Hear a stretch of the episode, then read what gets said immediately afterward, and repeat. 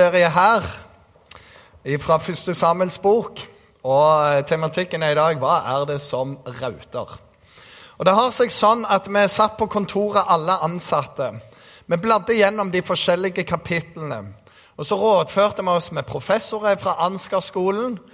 Litt sånn hva, hvordan henger ting sammen. Og så får vi fra noen professorer der kapittel 15 et vers inni der er beregnet som det vanskeligste i hele Bibelen å forstå. Det er bare helt på topplista. Så visste vi at vi må tale over den teksten der. Så spurte Eirik nei, jeg har barnekirke, så back off. Ungdommene de begynte sånn nei, men det er jo ikke på en fredag. Og jeg har jo bare 30% så det, det går ikke. Bente for sin del sier har dette noe med regnskap å gjøre. Så han sa, nei, for, no, back off. Og Jarle han, hadde, han er hovedpastor her. Han hadde egentlig fri, hadde egentlig mulighet, men så så han at Misjonskirken Norge har en lederkonferanse. Han bare meldte seg på med en gang. Og da sto jeg der, og jeg var tregest i avtrekkeren. Så det loddet falt på meg på denne utrolig vanskelige teksten. Så eh, vi trenger litt mer nåde, og vi kommer til det aller verste. Og det er ord dere vil henge dere oppi der, bare helt garantert. Men prøv å følge med likevel. Så har jeg bare lyst til å si neste uke da er Jarle tilbake igjen. Og da har vi kapittel 16, som handler om gjeterkongen David. Mann etter Guds hjerte. og wow! Det kommer til å bli så bra, og det er så oppløftende. Alle har lyst til å være som David, selv om han var full av feil. så Gud likte han, og Gud brukte han. Den passer jo til oss som har gjort så mye feil. I dag skal vi snakke om Saul som gjorde så mye feil, og Gud likte det overhodet ikke. Wow, mitt lodd, OK? Fra Jæren. Yeah. Pissemaur fra Rogaland. Jeg vet ikke om du eh, noen gang har vært med småbarnsforeldre. Vi kjenner noe. Vi kjenner oss ikke igjen i dette, men det er veldig fascinerende å se småbarnsforeldre. For de har ofte en sånn Ikke gjør sånn. Ikke gjør sånn. Nei, nei, nei. nei. Slutt å plage hverandre. Og så, og så går det en liten stund sånn, og så bare bikker det noe. Og det er ikke en sånn gradvis overgang. Det er bare Slå! Slutt! du å irritere søsteren din! Og det er bare sånn! Og det er ekstra fascinerende når dette skjer på flyplass eller sånne andre plasser. For de bryr seg katten om at det er hundrevis av andre passasjerer. Der er grensa nådd! Jeg sa jo til deg! Sant? Og alle er med i dette, her, men det holdes innenfor oss, for ingen som har opplevd dette i det hele tatt. Politiet de har en annen måte å gjøre dette på. De gir oss prikker. Jeg vet ikke hvor mange du har fått. Jeg har fått seks prikker. Da fikk jeg brev fra politiet. Og bare for at de skulle legge ekstra trykk på det, så fikk jeg brev noen dagers mellomrom etter hverandre. Det var da Katrine skikkelig kjente på å snakke litt med meg. Får du åtte prikker, så mister du lappen. Og med disse prikkene så får du òg ei klekkelig bot, og den bare øker og øker. Det er skjult skatt, men de sier nei, nei, det er til skrekk og advarsel. Yeah, right. Og så er det noe med denne teksten her at når, når det er nok, så er det nok. Når ondskapen har nådd sitt mål, så må Gud reagere. Ellers er han Gud som ikke bryr seg. Her kommer det første vanskelige verset. Så sier Herren over herskarene. Jeg krever amalekittene til regnskap for det de gjorde mot israelittene da de drog opp fra Egypt. De sperra veien for dem. Her med et folkeslag som når du går inn i historien, ser det er utrolig mye ondt. Vi kommer tilbake til det. Men det er denne, dette punktet hvor småbarnsforeldre hever sin røst, hvor politiet tar ifra deg sertifikatet, og hvor Gud sier 'nå er det nå'. Og Det første vi kan dra ut av dette, det er alt går mot en avslutning. Spørsmålet er hvordan den avslutningen blir. Alt går mot et oppgjør. Spørsmålet er hvem som sitter og regisserer oppgjøret. Vi kan gjemme vekk ting. Vi kan late som om det ikke er der. Vi kan bare glemme det, stu det vekk. Men det går mot et oppgjør likevel. Noen ganger prøver vi å glemme og gjemme det. Men likevel så lever det så sterkt inni oss at samme hvor mye Ja, det går så greit at det, så bobler det på innsida. Det er bare uferdig inni, og det irriterer oss hele tida. Det plager oss, det knekker oss, det holder oss nede. Noen ganger går det oppgjøret mot at vi går tilbake og sier unnskyld. Og da funker noe. I Gamle testamentet så ser vi noen interessante ting. Gud sier øye for øye, tann for tann. Og så kan vi lese det som veldig blodtørstig, men det han sier, det er hvis noen har tatt et øye, så skal ikke du hogge av hele hodet. Det er ett øye for ett øye, og det er begrensningen. Det ligger ikke et krav, men det ligger en begrensning der. Du får ikke lov at alt hatet ditt veller ut over en annen person. Øye for øye. I jødisk tradisjon så var det òg sånn hvis du hadde stjålet fra noen, du hadde gjort et eller annet, og du kunne gjøre det økonomisk, så sa de hvis du skal gjøre opp, så gir du 100% tilbake pluss 20% Og da er saken i orden. Bare gjør opp.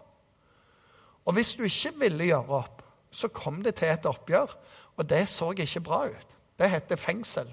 Offentlig vanære. Forskjellige ting.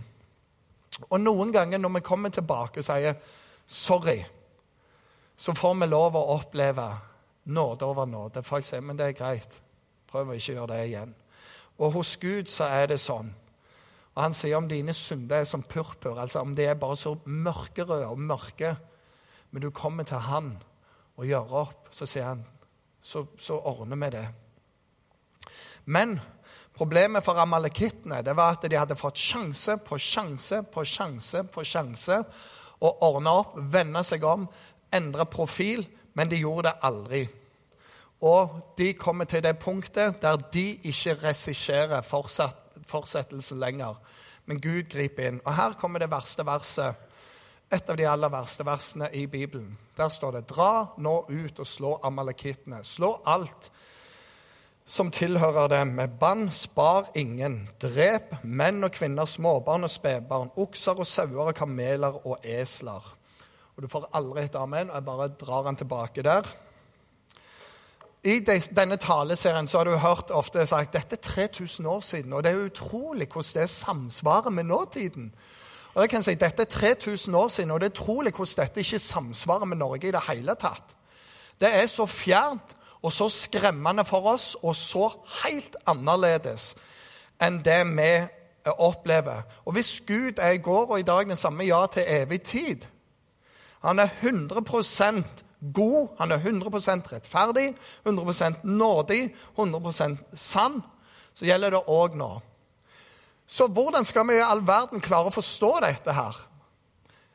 Noen forsøk, og så bare gir jeg dere noen ting, for her er det mye. Amalekittene du kan sette likhetstegn til IS eller Boko Haram eller nazistene under, under andre verdenskrig. Og du vet bare at alle disse er mange som ber Gud, må du gripe inn. Hvorfor skal seks millioner dø under denne kynismen?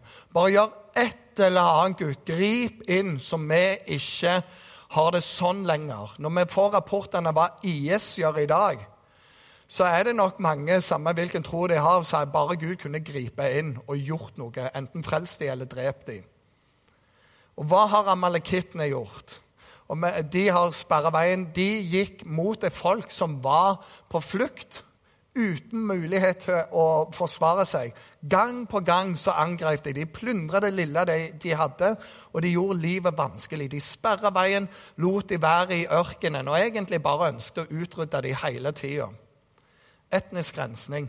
Bare plage dem. Det var uh, hele greia deres. Vi leser om noen av de andre. Et par kapittel før så, så er det noe som heter ammonittene. De hadde en hobby. Og det var alle israelere de kunne få tak i. De fanga de, stakk det høyre øyet ut, så de ble blinde på det, og så bare lot de fortsette. Det var en annen konge som jeg leser om. Hva hadde han som hobby? Han samla på konger og andre, hogde av tomlene på dem og store tærne og hadde de under bordet til å tjene seg. Det var en sånn en grusomhet satt i system over generasjon etter generasjon etter generasjon. Og det kom til et oppgjør og sa nå er det nok. Det er noe det andre tingen Vi lever i en veldig ekstremt vestlig verden. En enorm individuell. Du er du, og den er den. Mens det meste av verden, og spesielt den asiatiske verden, tenker ekstremt kollektivt. Det er ikke bare én, men det er alle. Vi tilhører et folk, og dermed så er det alle. Denne teksten er ekstra vanskelig for oss fordi vi lever i Vesten. Den er ikke så vanskelig for mange, dvs. Si majoriteten av folk i verden. Der kan du finne unntak, at det er en som er bedre enn de andre, så den får lov, og det er en som er verre. Men det kollektive er helt annerledes enn i vår kultur, så det gjør det vanskeligere. Og så er det òg å si dette er ikke en etnisk rensing, men en stopp for synd. Det er en stopp for å trakassere, myrde andre folk. Og Gud bare sier nå er det nok. Sett en stopp for det. Dette er et oppgjør én gang. Og det kan ikke brukes av andre. Du kan ikke bla deg tilbake. og så Her står det i kapittel 15 at vi skal drepe. Det er én gang, ett oppgjør, og så er det ferdig med det. Og så sier Gud i teksten her det er ikke mulig for deg å berike deg på dette. Dette er ikke en krig der du vinner over fienden, du plyndrer leiren, så blir du veldig rik. For mange kriger var sånn. Hvordan tjene mest mulig penger på kortest mulig tid? Bare stjel fra noen andre. Vikingene var veldig gode på dette her. Andre er gode. Disse var gode. Gud sier det ikke det det handler om i det hele tatt. Dere får ikke lov å berike dere på dette. Dere får ikke lov å si vi har blitt rike på amalekittene. Det er en stopp for synd, det er ikke en sånn en krig. Og så leser vi også i teksten at det var noen som levde blant de som heter kenitter, og de hadde gjort godt. De sier dere, bare kom dere vekk, for dette handler ikke om dere. Og du ser at det, det blir begrensa. Kan jeg si i dag så har vi som kristne helt andre retningslinjer. Jesus han sa det. Samla en hel gjeng, og de hørte på han. Så sier han Be for de som forfølger dere. Det er en annen linje. Velsign de som forbanner dere. Det er bare så ekstremt radikalt. Vend det andre skinn til når de slår deg på høyre, så vend det andre til. Det er en annen greie. Der har du Guds plan. Eh, en av disiplene kommer til han, Han har begynt å forstå at det, Gud er enormt nådig.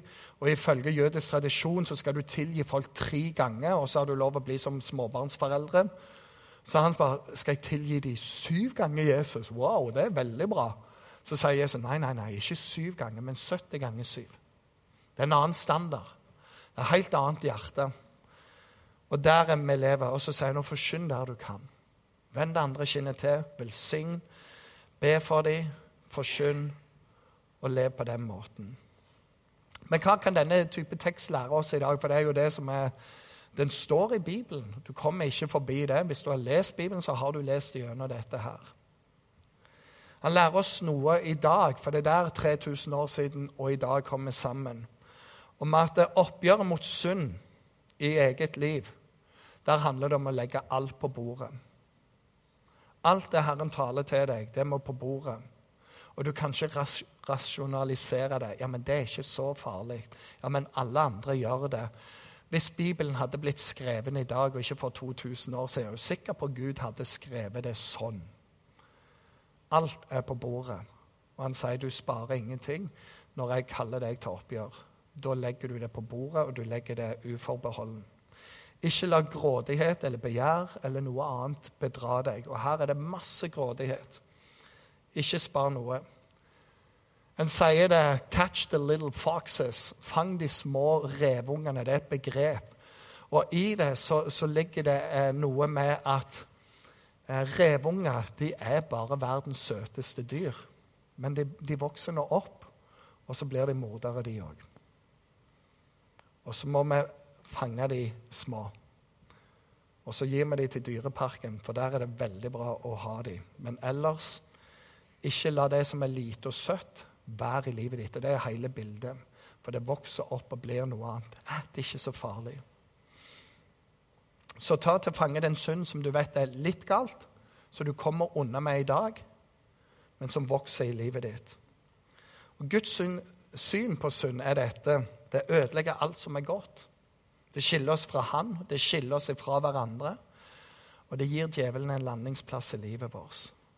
Hvor alvorlig tok Gud denne synden? Han tok den så alvorlig.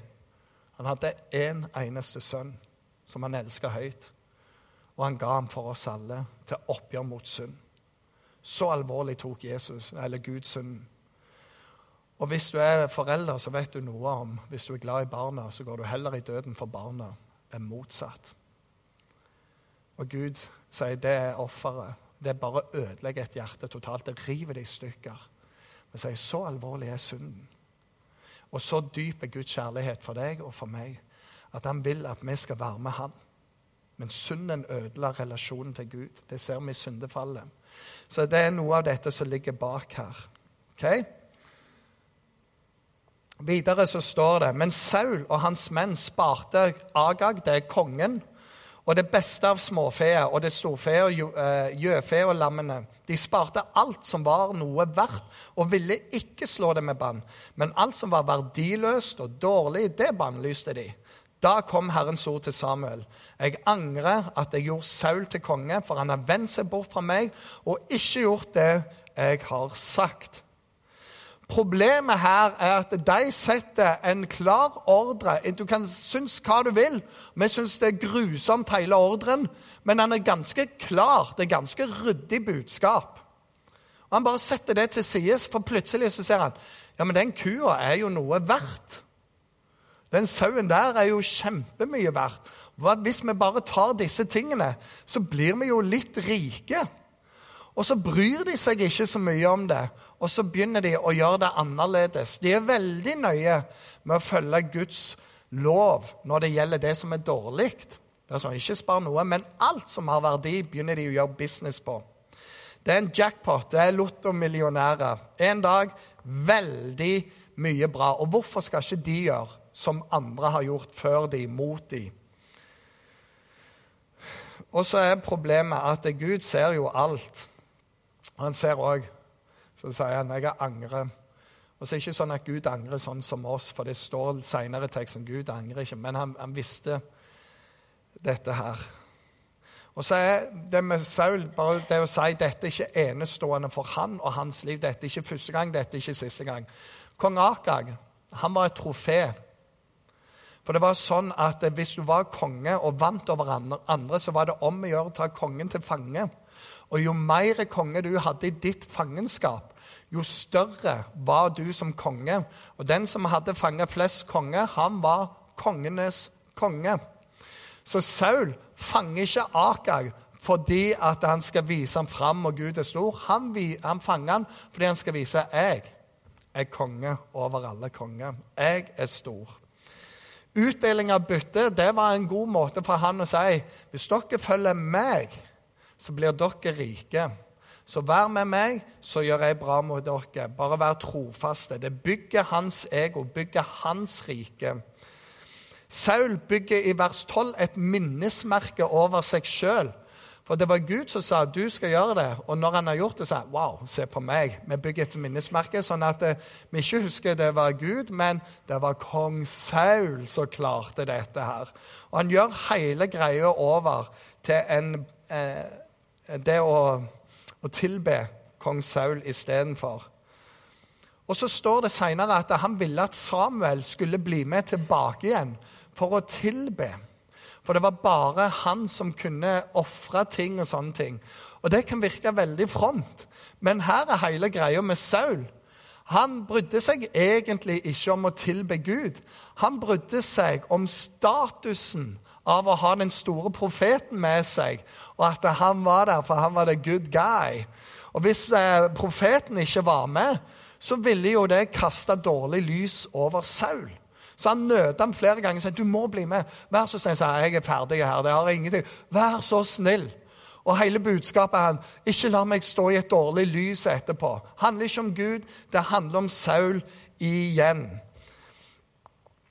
Og, og, Vi ser dette i neste vers. Der står det Da sa Saul til Samuel.: Jeg har synda. Jeg har brutt Herrens bud og dine ord. Jeg var redd for folket og ga etter for dem. Men tilgi nå min synd og bli med meg tilbake, som jeg kan, tilbe, som jeg kan tilbe Herren. Og så virker dette veldig fromt. Det er en sånn der, åh, jeg bare beklager, jeg bare tilgi meg. Men hvis du går inn i teksten, så er det ikke fromt en millimeter.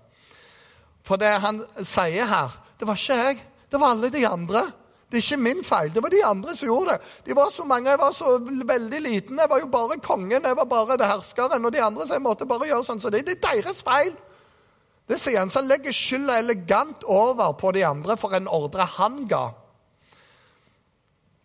Og så tar han alle disse tingene, og, og, og Samuel spør han, hvis du har gjort dette, Herrens lov, hvorfor hører jeg all denne brekingen? Hvorfor er all den rautingen? Det er der eh, teksten kommer fra.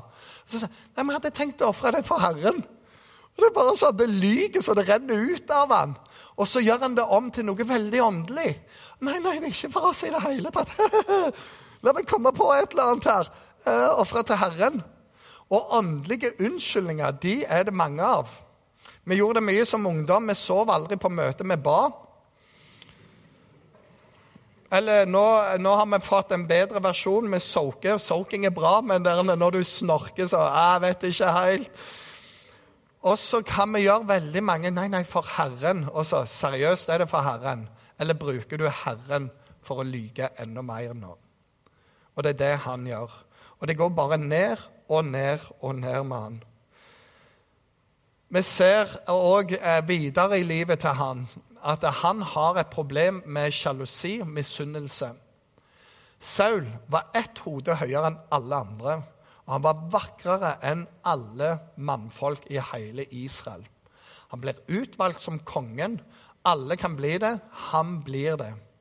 Det står i kapitlet før han vinner krig etter krig. Han får et navn som er stort. De synger sanger om han, og det går rett til fletter på han. Fra å være en meget usikker mann som gjemmer seg når de skal salve en konge, så de må finne han, til å være full av seg sjøl. Det handler kun om meg. Og Så kommer det en annen kar, en liten jypling, som dere skal få høre om neste uke. Og Så vinner han i krig. Så står det Saul slo 1000, David slo 10 000. Og misunnelsen bare bom! slår inn igjen. Og Resten av livet bruker Saul energien sin på å prøve å drepe David. Det er alt han prøver på. Prøver mens David synger harpe, som er datidens elgitar, sitter der og spiller for ham for han har det litt vondt, så prøver han å drepe med spyd. Og seinere så jager han etter han. Selv om han vet at Gud har gitt alt over til han, så er det noe med denne sjalusien som driver han.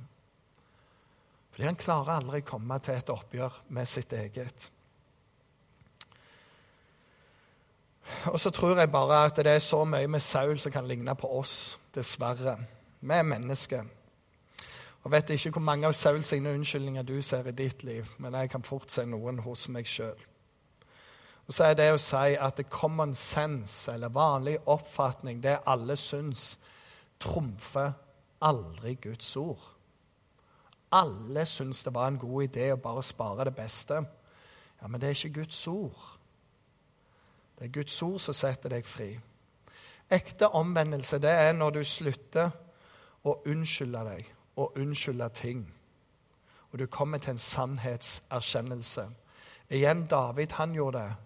Han sier at han har synda. Så får du rett når du taler, Herre. Her er det. Jeg har synda. Det er omvendelse. Det begynner med å si sånn er det. Du har rett. Det neste er at en omvendelse drar deg nærmere Gud. For du gir Han rett, du kommer til Han, og så lytter du til Hans ord. Og den siste tingen er at det er et forvandla liv. En omvendelse gjør at du gikk i en retning, nå går jeg i den retningen. Du, du slapp noen ting der, og nå går jeg her. Og når du prøver å gjøre litt begge deler, det går veldig dårlig. Vi kommer til kjernen i, i hele eh, teksten her. Der sa Samuel har Herren sin glede i brennoffer og slakteoffer like mye som lydighet mot Herrens ord. Nei, å adlyde er bedre enn slakteoffer, og lytte er bedre enn fett av værer. For trass er som spådomshund, ulydighet er som avgudsdyrkelse. Fordi du har forkasta Herrens ord, har Han forkasta deg som konge. Bare si det med fett. Alt fett hører Herren til. Det står i Gamle testamentet når de ofra, så skulle de ofre fettet til han, og så kunne de få lov å, å spise. Men han sier lydighet er det jeg er på jakt etter. Jeg er ikke på jakt etter ytre lovsang, gode gjerninger. Jeg er med i kirka på søndagen, jeg går i cellegruppe, jeg har en tjeneste. Jeg er på jakt etter folk som følger meg, som lyder mitt ord. i hverdagen. Hvor jeg kaller til omvendelse, hvor jeg kaller ut i en retning. Lydighet er nøkkelen. Jeg har vært i militæret. Jeg er en av de som syns det var fantastisk gøy. Ehm, jeg har utrolig mange gode minner. Men en av de tingene som de drilla på i militæret, det var dette total lydighet. Ikke tenk, følg ordre. Hvorfor? Fordi når det kommer krig, så er kommandanten nødt til å ha en tropp som gjør nøyaktig hva han sier. Det er ikke tid for ja, 'Syns du det var en god idé? Skal vi diskutere litt dette?' her, Når liksom kulen kommer imot deg. Du bare gjør det som blir sagt, fordi det er en krig, herrene, og det er liv, og det er sekunder om å gjøre. Så vi fikk en haug med teite kommandoer. Det var sånn superidiotiske 'Gjør det', og Vi forsto ingenting. Men sa 'Gjør det'! For i krig er det én for alle og alle for én. Og hvis vi ikke kan stole på deg, så er du en fare for alle oss. Din ulydighet kan koste hele troppen livet. Og så må du bare komme inn i én for alle, alle for én. Det er militæret. Syns det var helt fantastisk. Første dag min bror var i militæret, kom inn på et seksmannsrom, og så får de utdelt laken og dynetrekk og putetrekk. De fem andre guttene på 18 år, de står der. Aldri sett det før. Og min bror må da liksom Du åpner den. Wow! Og stapper dynen nedi. Wow! Vent litt, dette må ta det gikk litt for fort. sant? Og så skal du ha spredt laken der, og du tar en mynt og spretter opp igjen. Hvorfor? Fordi han driver terror? Nei, fordi at når det er glatt, så får du vekst, muss og dritt og lort, sånn at du ikke får dårlige ting i brakka. Det er dårlig å bli syk på brakka. Så ha skikkelig laken, så du får børsta av ting vekk. Gå rundt og sjekke om du har tørka støv skikkelig over alle lister og alt. Ellers er det full omvask. Bare elsker militæret. Lydighet. Men vi har et dårlig forhold til ordet lydighet. For lydighet er straff. Det handler om å innordne seg, underordne seg. Og nevnte jeg i begynnelsen at vi lever i noe av det mest individualistiske samfunnet i hele verden. Så det er vanskelig for oss å forstå kollektiv. For vi vil ikke det. Vi vil bestemme sjøl. Det er flott å ha et lederskap så lenge jeg får lov å bestemme etterpå. Det er flott at vi har regler bare jeg kan bryte dem. Og vi har mange ting. Dette ligger så nede i oss. Ingen skal bestemme over oss. Og lydighet er forferdelig når du har folk over deg som vil deg vondt, eller som bare vil utnytte deg til egen profitt. Det er jo forferdelig, det. Men det er ganske interessant av og til. Jeg har hatt noen ledere, lærere, som jeg var utrolig lydig mot. For alternativet var jo offentlig og bare høre at Roy Elling har ikke gjort leksa si. Og det var jo så pinlig. De klarte å gjøre det på en sånn måte at alle alltid gjorde leksa si. Det førte òg til at i de fagene så hadde klassen vår seks er den beste karakteren. Jeg tror vi hadde 5,4 i snitt i de fagene. Fordi læreren gjorde oss lydige fordi de ønsket at vi skulle prestere best. Det var pyton og det var veldig bra når vi fikk karakterboka. Sekser i maskinskriving. Skjønner det er mange år siden dette her. Vet ikke om dere vet hva det er lenger, men eh, det var veldig bra. Der var lydighet bra. Og når Gud sier 'jeg vil ha lydighet', så må vi også forstå ja, men hvem er Gud siden jeg skal lyde ham? For når en leser en sånn tekst, så ser han veldig ond ut. Jesus var sjøl lydig. Han ofra seg sjøl. Lydighet er bedre enn offer, men han gjorde begge deler. Hans lydighet gikk ut på lev et liv uten synd, få alle imot deg, dø en smertefull død og frels alle. Det var hans lydighet mot Gud. Gud skapte oss. Det står i første Mosebok, kapittel 1. Alt Gud skapte, var godt. Han skapte deg god. Han skapte deg til samfunn med, med, seg. Hans nåde er ny hver morgen. Når du kommer til Han, så er tilgivelsen der hele tida. Bibelen sier ingen som kommer til Gud, vil bli støtt bort fra Gud. Han tar imot alle. Gud er så nær hver enkelt av oss at om du har stengt han ute, så står han bare rett på utsida og banker på og spør kan jeg komme inn i livet ditt. Og det vi kan bare si velkommen, og så tar han den boligen der. Gud vil alt best for deg. Han har designa deg med din personlighet, med dine evner, med dine talenter. Han har nådegave for deg. Han vil det beste for deg. Og når han kaller oss til lydighet, så handler det om at han ikke ønsker at du skal ha sår i livet. At du skal ha disse ting du angrer på. Ting som bare ble ødelagt. Så vet vi at det å lyde Guds ord det er knallvanskelig. For av og til er, vanlig fornuft annerledes enn Guds ord. Men det er å velge hvem er det jeg lyder. Vil han det beste for meg, eller vil han ikke det? Så når Gud sier det, så vet jeg han vil det beste for meg. Billy Graham, som er en av verdens mest kjente predikanter, han sa når han var ung, så sleit han med Guds ord, for det var sånne tekster. Hva, hva skal jeg gjøre av det? Og det var så mange ting i Bibelen han var direkte uenig i. Og så sier han jeg kom til et punkt der jeg måtte velge. Han bøyer kne, og så sier han, Gud, jeg velger å følge deg, og jeg velger å lyde ditt ord. Uansett om jeg er enig eller ikke, om jeg ikke forstår det eller ikke, så velger jeg det. Det er min vei, det er mitt valg. Og så gjorde han det. Og så sier historien at fra det tidspunktet så bare endrer hele tjenesten hans. De var tre kamerater. Han var den minst begava av dem. De andre valgte annerledes, men han valgte å bøye seg. Og Gud velsigna det valget.